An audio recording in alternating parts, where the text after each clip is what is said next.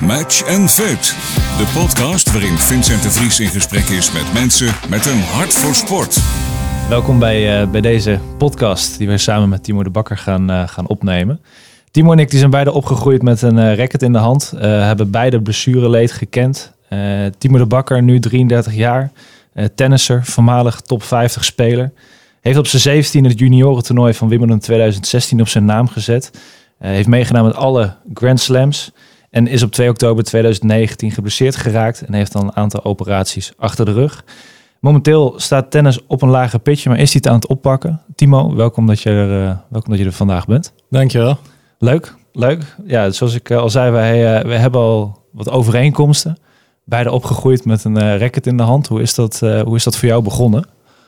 Oeh, eigenlijk gewoon heel geleidelijk. Ik had een, mijn moeder tenniste. Maar echt gewoon, uh, was een drietje. Maar uh, die tenniste regelmatig. Uh, ik had een oudere broer. Dat, dat is eigenlijk de, de grootste reden geweest.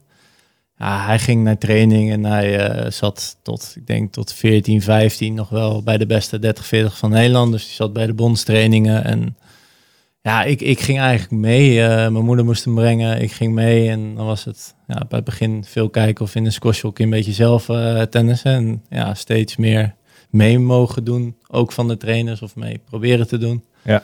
Dus eigenlijk zo ja, ontstaat het. Dan kan je het ook. Je gaat er nooit spelen, je doet het goed. En, en eigenlijk uh, ja, is er eigenlijk nooit echt een keuze in geweest. Je rolt er een beetje in. Ja, ja, ja dat, daar, daar bleek je vrij goed in te zijn.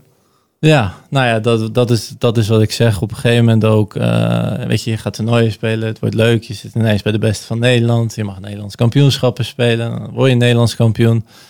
word je uitgezonden ineens. Mag je voor het Nederlands team uh, onder een bepaalde leeftijd mee. Dus ja, dat, ja, het gebeurt eigenlijk gewoon een beetje. Ja, heb je, heb je dat toen ook zo bewust ervaren? Dat je, dat je van het een in het andere rolde? Toen niet, later wel. Uh, ik merkte dat bij mij, ik denk rond mijn negentiende, ja. merkte ik echt dat er bij mij een switch kwam van, ja, weet je, tennis was echt mijn hobby. En ook al deed ik het toen fulltime al een paar jaar, en, maar het was gewoon echt mijn hobby. Alleen toen moest ik er echt voor gaan werken. Ik was fysiek niet goed genoeg. Ik moest de dingen gaan doen die ik eigenlijk niet leuk vond, zeg maar, op dat moment. En toen werd het echt meer wel werken. Uh, dus dat was voor mij eigenlijk het moment voornamelijk dat ik merkte van, ja, weet je wel, vind ik dit echt leuk ook om, om te leiden eronder. Ja. Wat waren dan die dingen die je niet leuk vond om te doen? Ik was, uh, ik denk dat ik totaal geen trainingsbeest was. Dus alles wat uh, het saaien was van trainingen, dus gewoon rally of, ja, dan was ik niet thuis. En alles wat met puntenvormen te, ma te maken had of een enige vorm van competities, daar mocht je me voor wakker maken. Dus ja, je had een hele zware aan als je dat uh, niet uh, voor elkaar wist te krijgen. En we wist je me op, me op de juiste manier te triggeren, dan, ja, dan, dan, dan was ik er. Alleen ja, dat werd voor mij op een gegeven moment, kon ik dat heel lang uitzingen door, door waarschijnlijk mijn talent en, en toch mee weg te komen. Maar op een gegeven moment hield dat wel op. Ja, wat, wat was dat punt dat het ophield voor jou?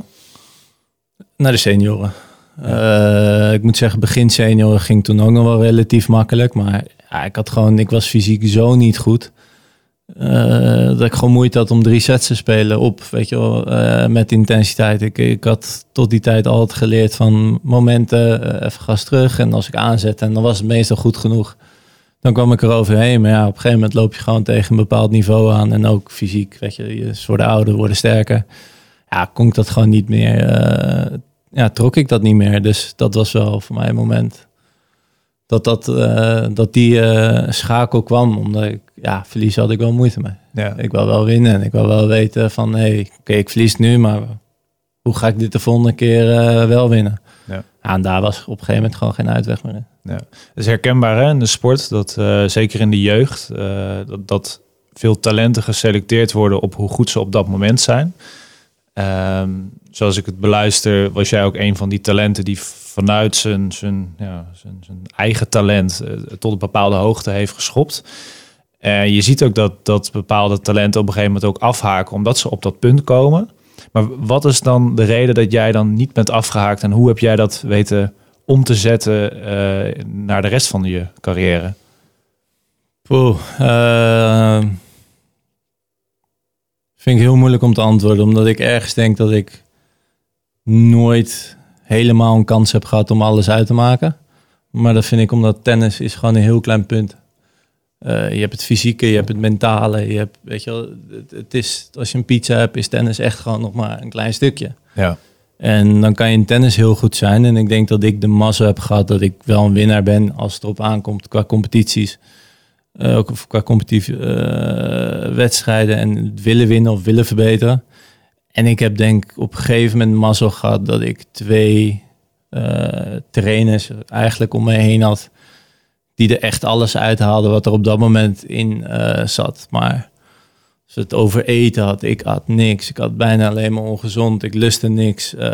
weet je, dus als ik gewoon echt even breed pak naar hoe het moet zijn. En ik stond 40 van de wereld, was het echt vrij triest eigenlijk nog, zeg maar, met hoe het zou moeten zijn. Ja.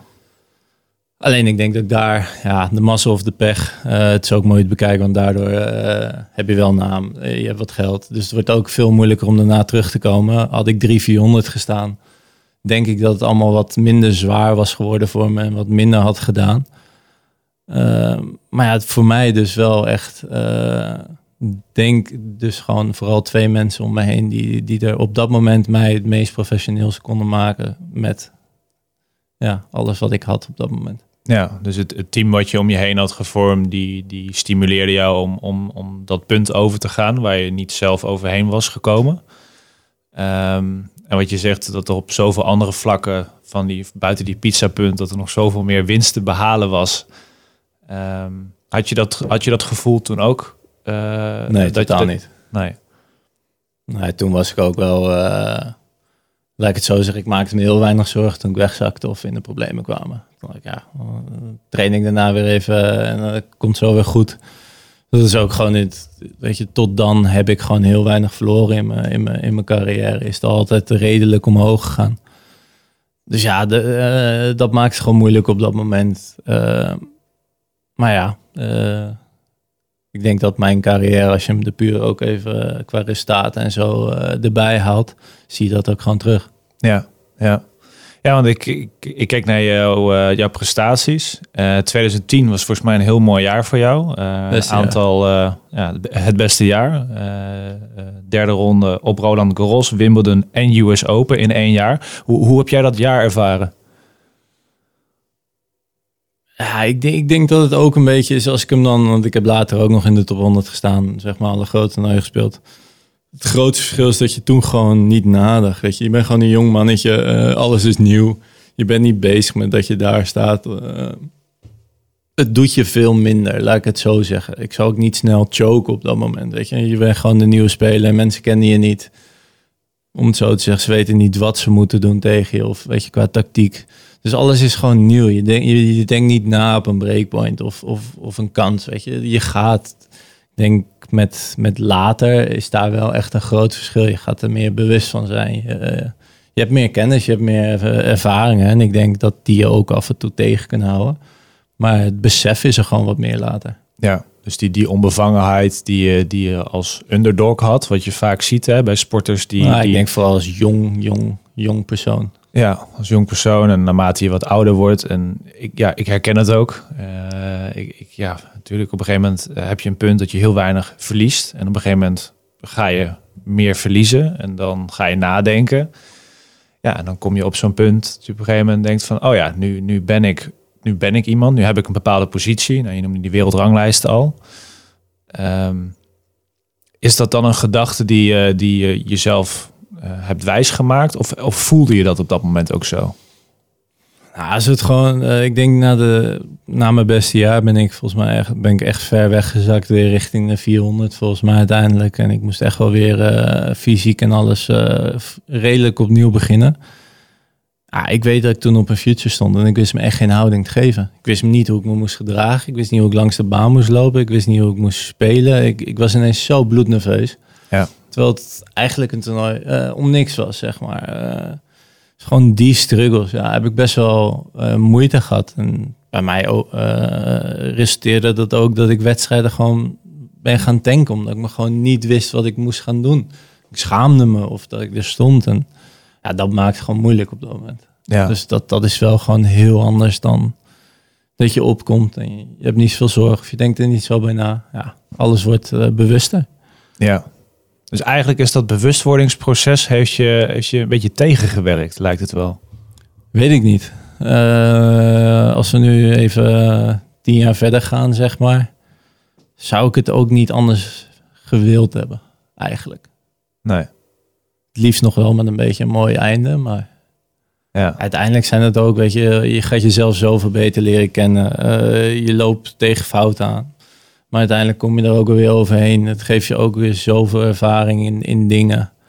Eh, ik weet niet of ik dat anders had gewild uiteindelijk. Nee, nee. Oké. En je zegt eh, nu, nu tien jaar later, je, je begint een beetje terug te kijken. Maar ik denk, nou, volgens mij heb je nog het een en ander om naar uit te kijken. Ehm, nou, je bent eh, in 2019 ben je, ben je geblesseerd geraakt. Hoe voelde het moment dat, dat hoe voelde die 2 oktober? Weet, weet je dat nog? Eh, daar heb ik nog wel een mooie foto van. nee. ik, eh, ik ging later die dag eh, ging ik oud. Dus ik zie ineens die foto voor me dat ik ergens op de grond lig. Maar. Nou ja, ik moet zeggen, privé was het al niet de makkelijkste tijd op dat moment. Dus ik moet eigenlijk zeggen, ik begon het net weer een beetje op de rit te krijgen. Was echt lekker aan het trainen. Alleen ik weet niet of het eh, een reactie was van, eh, weet je afreageren gewoon op, op andere dingen. Of dat ik echt stabiel zou zijn en, en dit vol hadden kunnen houden. Ik denk ook uiteindelijk ik daarom... eh, ik heb uiteindelijk ik een hoek in en ik overstrek mijn knie. Ja, weet je, je weet, je weet zelf ook als je moeier bent, als er wat dingen... ja, dat komt gewoon op een gegeven moment terug in een training. En dan is zo'n foutje, nou het is niet een fout, maar een blessuretje is gewoon in een, eh, zit in een klein hoekje dan. Ja. Dus ja, ik weet niet of... eh, ja, ik maakte me er toen niet heel veel zorgen om. Ik wist ook niet dat ik er nog na anderhalf jaar nog steeds mee bezig was. Want ik heb hem een paar keer eerder overstrekt. En dan was het na twee, drie weekjes eh, wel weer oké. Dus het is niet meteen het eerste waar ik aan dacht. En ik moet ook wel zeggen, ja, ik, ik, ik denk dat ik op dat moment was ik ook wel redelijk klaar met de sport. Ik was gewoon een, een, een strijd aan het eh, vechten die, ik- die ik nooit had gewonnen op dat moment. Nee. Je, je vertelde net dat, eh, dat, dat je er eigenlijk een beetje klaar mee was. Ehm, hoe voelde het voor jou bijvoorbeeld als een, als een bevrijding toen, toen je eh geblesseerd? Dat je dacht van, hé, hey, nu ben ik even klaar met, met, met het hele gebeuren. Nee, omdat, omdat ik één, ik ging er niet vanuit dat ik onder het best moest. Of dat ik, eh, weet je, ik, ik zat eerder te denken aan een paar weken. Eh, ik denk nu achteraf dat als ik nog een kans in tennis wil hebben, eh, maar dan gaan we al wel redelijk resultaatgericht of rankinggericht, is dit beter geweest voor me. Eh, omdat ik nu ook echt de tijd heb gehad om littekens te verwerken, om, om, om mezelf te verwerken, om dingen op een rijtje te hebben en, en er zeg maar vrij in gaan. Al vind ik het belangrijker nu dat ik gewoon ook plezier ga hebben en dat ik het leuk vind. En, en ranking interesseert me eigenlijk niet meer zoveel. Tuurlijk, uiteindelijk wil ik eh, echt nog eh, zo hoog mogen komen, maar het is voor mij ook niet realistisch zeggen, ik ga nog even top 50 halen. Ik weet het niet. Ik heb geen idee hoe ik fysiek ga zijn, hoe mijn tennis gaat zijn. Weet je, uiteindelijk eh, zit ik er dadelijk toch twee jaar uit. Dus dat zijn gewoon dingen die ik niet kan inschatten. En ik, heb echt wel vertrouwen in mijn tennis en in mijn kunde. Alleen ik vind het plezier eh, vind ik echt even wat belangrijker eh, geworden. En daaruit eh, zo goed mogelijk eh, spelen. Maar ik denk als ik toen... eh, het, het heeft me wel die vrijheid gegeven. Stel ik was na drie weken weer eh, oké geweest. Dan denk ik achteraf, dan was het, was het toch weer hetzelfde geworden. Had ik misschien een paar oké weken gehad. Maar uiteindelijk had ik het niet kunnen volhouden. Nee, Daar ben ik wel redelijk van overtuigd. nee. nee vertel dat je enerzijds er af en toe ook een beetje klaar mee was. Hè. Ik denk heel herkenbaar voor heel veel sporters. Die op een gegeven moment dat plezier wat verliezen. Die, die, het, die het soms ook voelen als moeten in plaats van dat je zelf de keuze hebt. Hè. Dat je een beetje wordt geleefd. Eh, heb jij dat ook op een gegeven moment zo ervaren? Nee, ik denk dat ik onbewust zelf eh, Het had niet uitgemaakt wat ik had gedaan. Al was ik nummer 1 van de wereld geworden, had ik 10 Grand Slams gewonnen. Dan had ik nog wel iets verzonnen waardoor het niet goed genoeg was. En zo zat ik er wel in. En ik wilde het hele goed maken. Je wilt het goed maken en je wilt dingen bewijzen. Alleen die lat ligt zo hoog dan op een gegeven moment. En wat ik zeg, nummer 1 en 10 slams misschien een klein beetje overdreven. Maar ja, het was niet goed genoeg. En, en dan stond ik top 100 en dan, dan dacht ik, nu gaat het wel. Maar dan, dan, ik kon het niet volhouden. Weet je, ik zal nooit de sporter zijn die uh, 52 weken per jaar uh, iedere dag alles uh, perfect zou doen. Alleen nu was het gewoon drie, vier weken, weet je wel, eigenlijk over de top vormen. En dan heb ik gewoon drie, vier weken nodig om weer daarvan te herstellen, zodat ik het weer kan opbrengen. Ja, zo die, die basis, dat, dat gaat gewoon niet worden. En zo zal ik ook niet zijn. En zo zal ik ook nooit het beste uit mezelf gaan halen. Nee. En dan blijft het gewoon een beetje een yo-yo worden. En ja, als er een kans is dat ik het redelijk steady uh, kan gaan doen op de beste manier van mij, is dat denk ik nu. En dan zou deze blessure eigenlijk goed kunnen uitpakken. Ja, soms zie je ook hè, dat, uh, dat je soms uh, één stap achteruit moet doen om twee vooruit te doen. Dat je eventjes terug gaat naar jezelf, weten wat je wil. En dat je daaruit soms ook de kracht vindt om weer die volgende stappen te kunnen maken en dat ook vol te kunnen blijven houden. Nou, ik denk als ik gewoon even uh, het, het, heel makkelijk neerzet. 2010 was ik 21 bijna bij 22 week dat jaar. Ik ben nu 32. Uh, toch een jaartje jonger nog. Nee, uh, maar ja, ik heb daar wel gewoon acht, negen jaar, heb ik, is dat gewoon een strijd geweest. Nou ja, dat is wel acht, negen jaar littekens die ik oploop. Momenten dat ik überhaupt mezelf niet snapte, weet je. Ik heb heel veel moeite gehad met dat ik me super gemotiveerd voelde. Dat ik enorm veel zin had en dan random er gebeurt iets. En dat mijn motivatie echt gewoon nul is. Ja, snap het maar. Weet je wel, ik snapte het niet. Nee. En, en, dan weet ik er al helemaal niet mee hoe ik ermee om moet gaan. Ja, dat zijn wel gewoon dingen die, die diep gaan zitten. Ja. Ja, dat... Uh, die vrijheid heb ik nu wel gekregen. Om daar wat aan te doen. Om daar uh, mee te dealen, laat ik het zo zeggen. Ja. Maar ja, het is wel gewoon 80% van mijn carrière uiteindelijk. Ja. Die strijd. Ja. Ja, dat is lastig echt lastig. Ja, en ook als je het zelf niet weet, hè, je hebt natuurlijk een team om je heen. Uh, leg het daar ook maar eens aan uit. Dus die staan ook af en toe met vraagtekens. Ja, dan moet je wel uh, echt een goede hebben die heel goed kan inleven. Die, die ook een beetje snapt hoe, je, hoe je tikt, zeg maar.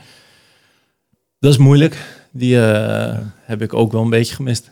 Ja, heb je, die, heb je die nu wel gevonden? Laat ik het zo zeggen. Ik denk wel dat ik de mensen weet die, die bij mij kunnen werken. Of die ik vertrouw, waar ik denk, hier zal ik meer mee. ik weet wel wie er niet met me werken, zeg maar. Ja, ja. en hoe, hoe voel je dat aan? Omdat ik zelf ook redelijk kan inleven in iemand. En ik denk nu zelf echt wel heel goed weet wat ik nodig heb, wat het beste voor me is, hoe je met me moet omgaan. En ik denk ook, ik ben ook iemand die eigenlijk nooit uh, ja, zeikte of uh, ik gaf mezelf de schuld of nam het altijd gewoon in eigen hand, uh, die dingen. En ik, ik, ik praatte gewoon weinig. Ja. Dus ik werd ook snel gewoon niet begrepen. En dan, dan wordt het gewoon heel moeilijk. En daar ben ik nu ook wel een heel stuk verder in. Dus als ik iets voel opkomen of zelf herken dat het wat moeilijker wordt, ja, geef ik het nu gewoon heel makkelijk aan. En dan, dan kom je er ook een stuk makkelijker uit. Ja, ja. En dat team om je heen, uh, ik zie je met een uh, Lacoste outfit ja, hier zitten. Want uh, Mizuno, Mizuno broekje, aan de armen, sokken, Essex schoenen. Dus maak daar maar wat van hoor. Ja, dat is een mooie mix. Ja. ja. Ja, je, je, je hebt best wat uh, blessureleed meegemaakt. Uh, soms zie je ook dat, uh, dat, dat sponsors nou, in, in goede tijden en in slechte tijden achter een sporter blijven staan. Hoe, hoe is dat voor jou de afgelopen, nou, pak hem even 10, 15 jaar gelopen? Maar ik denk dat ik uh, vanaf mijn veertiende tot mijn dertigste in ieder geval altijd wel een kledingsponsor had.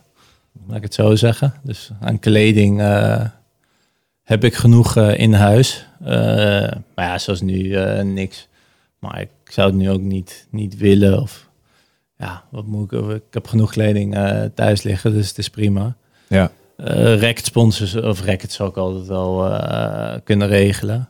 Eh, en verder is het in tennis best wel moeilijk, eigenlijk. Ja, Dus heb ik ook wel in mijn beste tijden heb ik echt nog wel wat dingetjes ernaast gehad. Maar dat is niet zo makkelijk. nee. Wat, wat maakt het dan moeilijk in jouw ogen? Ik denk voornamelijk een individuele sport. Eh, ja, weet je wel, heb je een teamsport of je hebt echt een team, dan, dan kan je gewoon zoveel meer exposure, denk ik, voor bedrijven hebben. Je hebt meer mensen eh, dan één iemand die dan, ja, oké, af en toe op tv is, maar het is niet, het is toch anders dan, denk ik, een voetbalteam of een hockeyteam of een schaatsteam. Ja. Ja, er zijn natuurlijk meerdere redenen waarom eh, bedrijven in sponsoring stappen. Of dat zij kiezen voor eh, een, een individuele atleet, of dat zij kiezen voor een sportteam, zoals je zegt, of een sportcompetitie. Eh, er zijn heel veel manieren mogelijk om te sponsoren. Ehm, wat wij veel zien, eh, is dat, dat het verhaal van de sporter, ehm, dat dat vaak het, het of deels, ehm, een reden kan zijn voor een bedrijf om een bepaalde sporter te ondersteunen. Ehm, in, in, in, in mijn geval eh, heb ik een aantal eh, sponsors weten aan te trekken eh, vanuit mijn eigen kring. En vanuit die eigen kring dat, dat verder weten uit te bouwen. Ehm, en ook gemerkt dat de sponsors die, die achter mij stonden, dat ook deden vanuit het verhaal. Weet je, ze, ik, ik was elke dag, stond ik om zeven uur s ochtends op. Ik ging elf uur s avonds naar, naar bed. En daartussen was het gewoon eten, eh, trainen, rusten, slapen, naar school gaan. En, en dat vijf, zes, zeven dagen in de week. En dat verhaal, dat sprak een aantal mensen aan die ook weer dat verder vertelden. En nou ja, zodoende creëer je een, een, kan je een team om je heen creëren. Maar eh, ik vraag me even af, eh, ben je daar mee bezig geweest? Of heb je zoiets gehad van, ah, het, het komt wel? Of Ik moet zeggen, we- ik denk zeker toen ik jong was. eh één, er zit een managementteam achter. Eh, dus zelf ben ik er niet mee bezig. Maar het was, weet je, een Davis Cup had een sponsor. Nou ja, die is uiteindelijk ook ons privé gaan sponsoren. Eh, weet je, op die manier, eh, die man ging van het ene bedrijf naar het andere bedrijf. Toen kwam het andere bedrijf, weet je wel. Ja. Dus het is, het is wel, ik denk zeker als je niet bij de top hoort, zal het bij, bij je eigen kringen beginnen. Weet je, eh, die kent toch weer die. Eh, er moet een klik zijn. Ze willen, ze gunnen het je, eh, het je. En, en, en zo gaat het door. Ik denk hoe hoger je komt. Maar dan zal er altijd een team achter je zitten die daarmee bezig is. ja, ja. Dus je hebt zoiets Ik, zal, dat- ik ben daar niet zelf heel erg mee bezig geweest op dat moment. nee, dus dat, dat management heeft voor jou eigenlijk heel veel werk uit handen genomen. Ja, maar op zich uiteindelijk, als ik echt, weet je, valt dat ook wel mee hoeveel eh, zij konden regelen uiteindelijk. Ja. Denk je dat je dat eh, zelf anders had kunnen of willen doen? Alsjeblieft niet.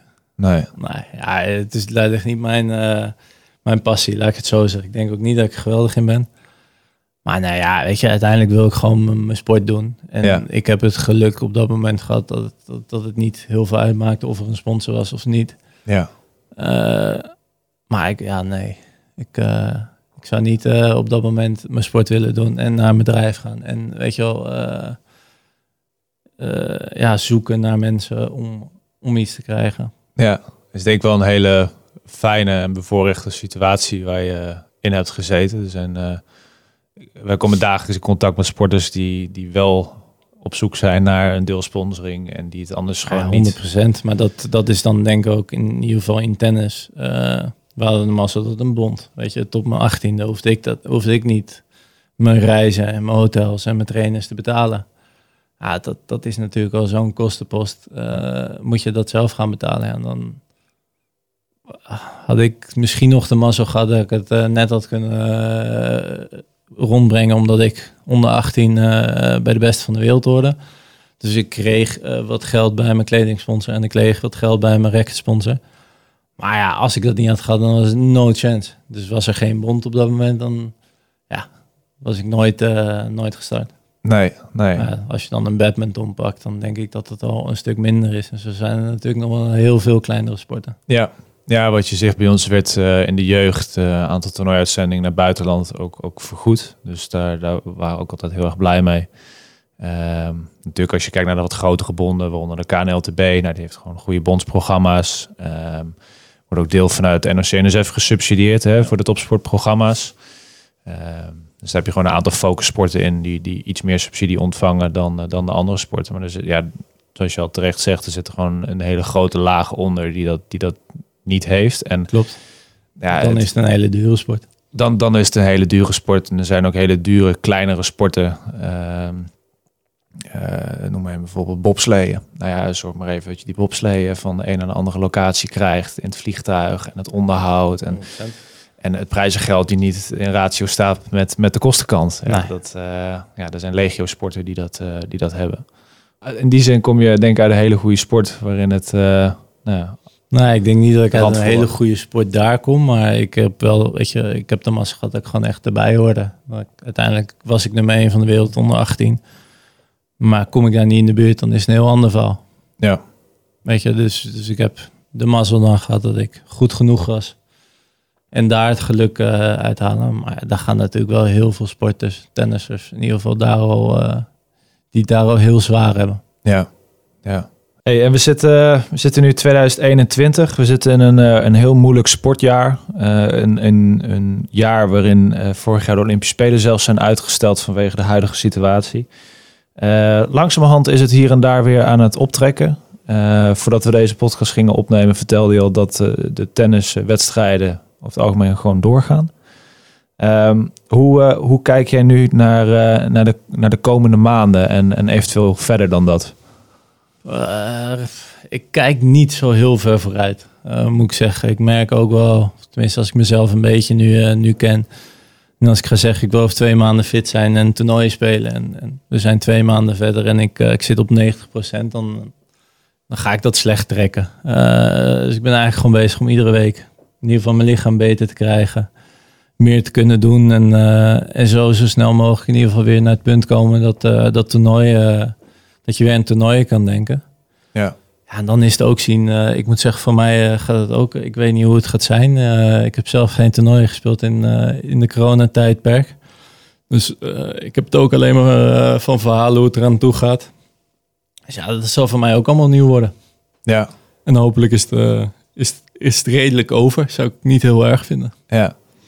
Als je nu je eerste toernooi weer gaat spelen, ga je er dan in als, als Timo de underdog? Of ga je erin als Timo die, die misschien wel gaat denken? En, Nee man, ik ben al lang blij als ik een potje kan spelen. Het interesseert me echt op dit moment niet heel veel eh, hoe het niveau gaat zijn. Of weet je, als ik maar gewoon fit ben en ik kan strijden. En eh, wat ik zeg, ik maak me dan echt niet heel veel zorgen om mijn niveau uiteindelijk. Maar hoe het gaat zijn na twee jaar, ik, ik zou het niet weten. Ik ben blij dat ik de puntentelling nog weet. Maar eh, ja, ja, we gaan het zien. Ik, ik durf het echt niet in te schatten. ja, die is in de tussentijd niet veranderd, hè? Volgens mij niet. Nee. Je weet het nooit, hè? Met een derde setje doorspelen, niet doorspelen. Nee. Ja, ik, ik, heb het, Super ik, tiebreak.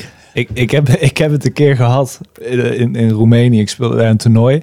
En eh, de, de World Badminton Federation was op dat moment aan het experimenteren met een nieuwe puntentelling. Normaal gesproken speelden wij tot 21, hè, best of three. En eh, toen was het zo dat ze bij de 11, dat, dat, dat je Dan ging, ging wisselen, ja, dan vijf sets. Ja, en ik ging eh, bij de 11, ik ging naar mijn mandje, mijn tegenstander kwam, eh, kwam naar mijn kant toe. En ik had echt zoiets van, wat gebeurt hier nou weer? En dus die scheids in een beetje gebrekkig Engels van, eh, yes, we, eh, you go to the other side, you won the set. En ik, ja, ik liep een beetje groot aan. Ik denk, wat gebeurt hier, mij hier nou weer? Maar ik, ik heb hem ook gehad. ja, nou ja, het gebeurt, eh, het overkomt de beste dus.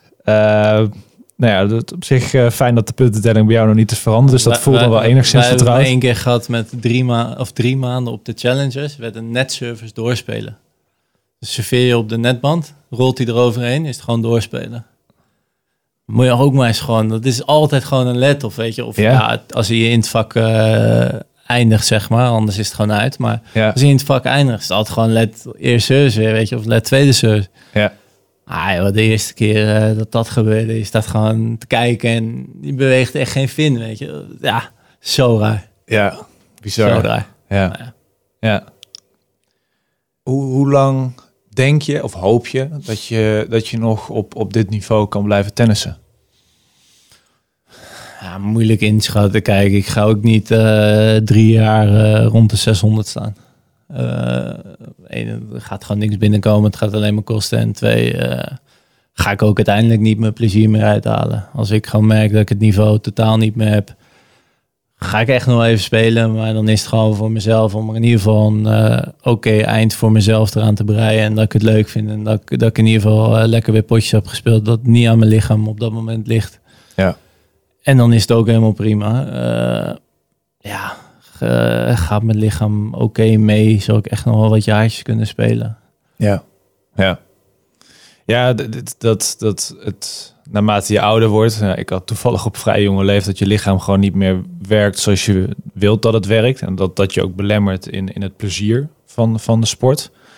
Eh, dus ik denk dat we allebei weten hoe vervelend het kan zijn als een externe factor zoals je lichaam. eh, Ik wil niet, ik wil niet zeuren, maar eh, ik denk wel dat ik redelijk oké mag zijn met mijn lichaam.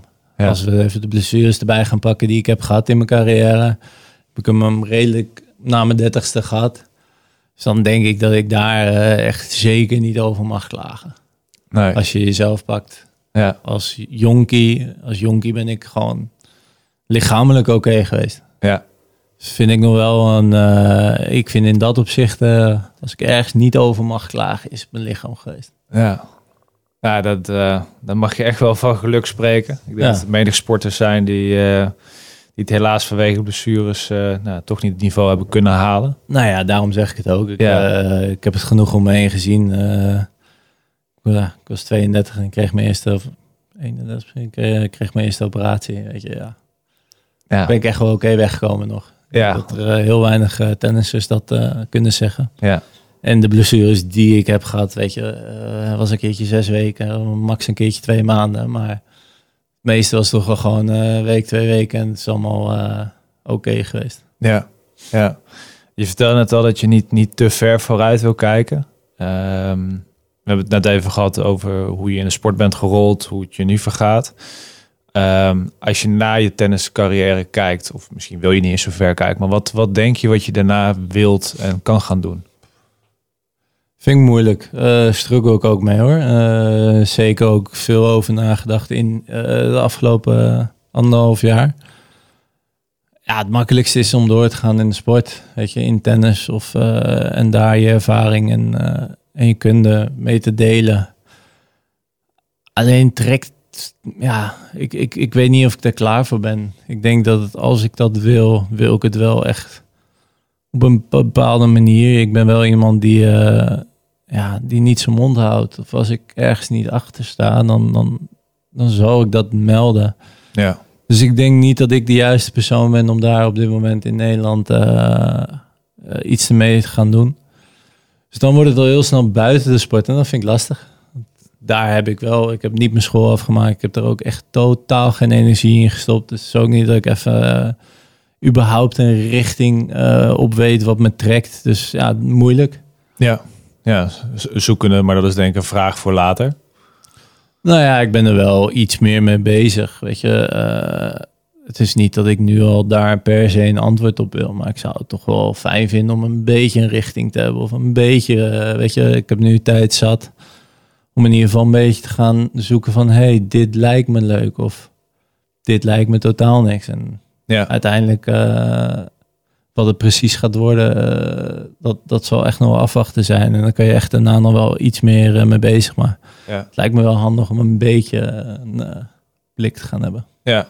Nee, eh, voordat we deze podcast gingen opnemen, noemde je al een aantal partijen waar je wel eens van gedachten mee hebt gewisseld. Ehm, zijn dat eh, eh, partijen waar je eh, misschien nog een keer naar teruggaat? Of zijn er andere initiatieven waar je nu naar kijkt of waarbij je een programma volgt? Nou ja, ik heb, ik heb tijdens mijn bestuur heb ik een traject bij de sportmaatschappij eh, gehad. En uiteindelijk, ik denk dat het voor mij ook gewoon belangrijk is. Je gaat toch een netwerk opbouwen daardoor. Je gaat toch weer met mensen in contact komen. Je gaat toch ergens weer een keertje praten. Ja, dat geeft voor mij al eh, wat meer rust. Weet je? En daardoor ga je toch met iedere gesprek kom je wel weer dichterbij waar je naartoe wil.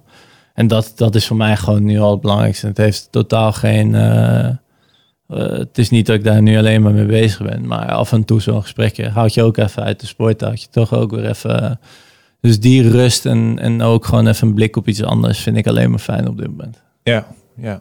Dus je bent ook aan het, aan het kijken hoe je je kwaliteiten die je in de afgelopen jaren hebt opgedaan, eh, kennis die je hebt vergaard, eh, ervaringen. Je hebt natuurlijk een bonk ervaring vanuit je topsportcarrière, neem je mee.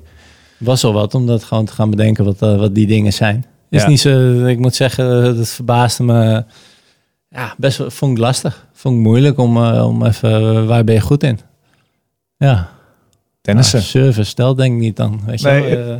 Nou ja, service ligt daar nog niet interpreteerd. ja, het is eh, in, in eh, termen ga ik daar verder niet eh, ver mee komen, ben ik bang. Dus nou, weet je, dat zijn wel dingen, maar het zijn ook weer dingen waardoor je jezelf weer een stuk beter gaat leren, ja, leert kennen. Dus dat is ook wat ik bedoel, weet je, dat de blessure heeft me wel die ruimte gegeven om daar ja, een stuk meer duidelijkheid in te krijgen. En ja. ik weet dat er zijn een hoop organisaties die, die graag een, een, een topsporter in hun bedrijf hebben eh, werken vanwege de kwaliteiten. Maar inderdaad, wat je zegt, kennis zou ook wel handig zijn. beetje kennis ook wel handig. Eh, maar weet je, kijk, kijk, kijk vooral waar je, waar je interesses liggen. Eh, ik, ik, heb zelf, ik heb dat punt ook gehad. Weet je, je komt op een gegeven moment ooit een keer uit die topsportbubbel. En ja, ik vind het heel gaaf om te horen dat je er nu nou, hier en daar een beetje mee bezig bent.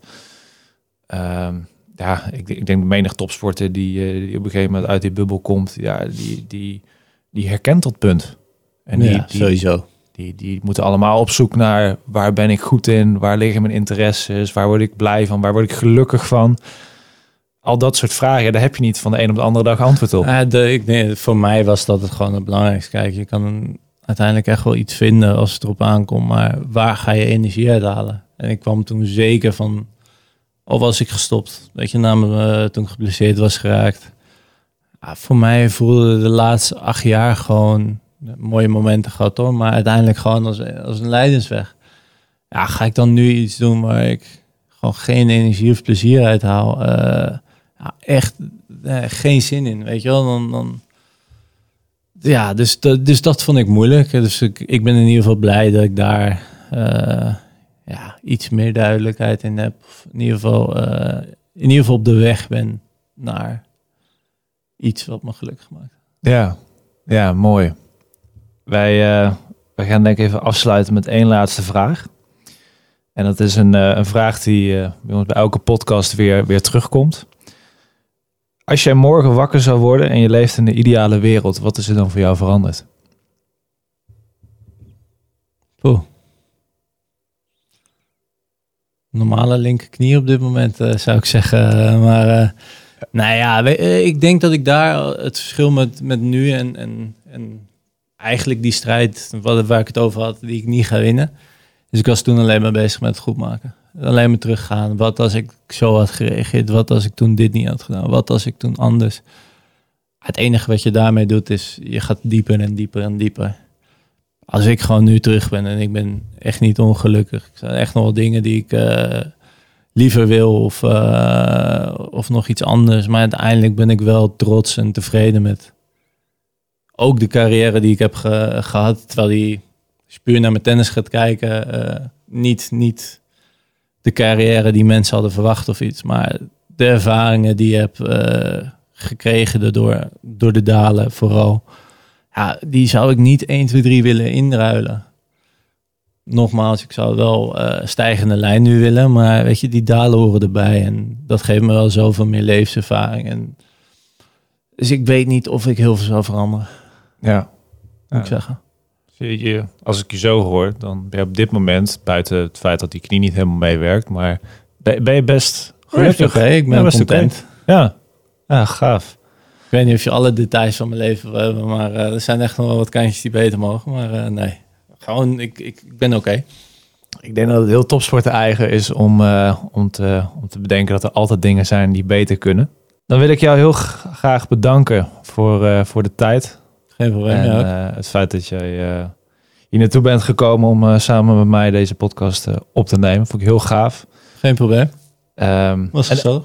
ja, en ik hoop je, ik hoop je binnenkort weer op een Grand Slam te zien. Mocht het. Daar mocht mag je echt nog even verwachten, ben ik bang. ik, ik heb Moet geduld. nog, eh, moet ik nog even de ranking eh, door ook. Goed. Timo, dankjewel. Super. Wil jij zelf ook een podcast of podcast maken? Kijk dan even op dkstudio.tv.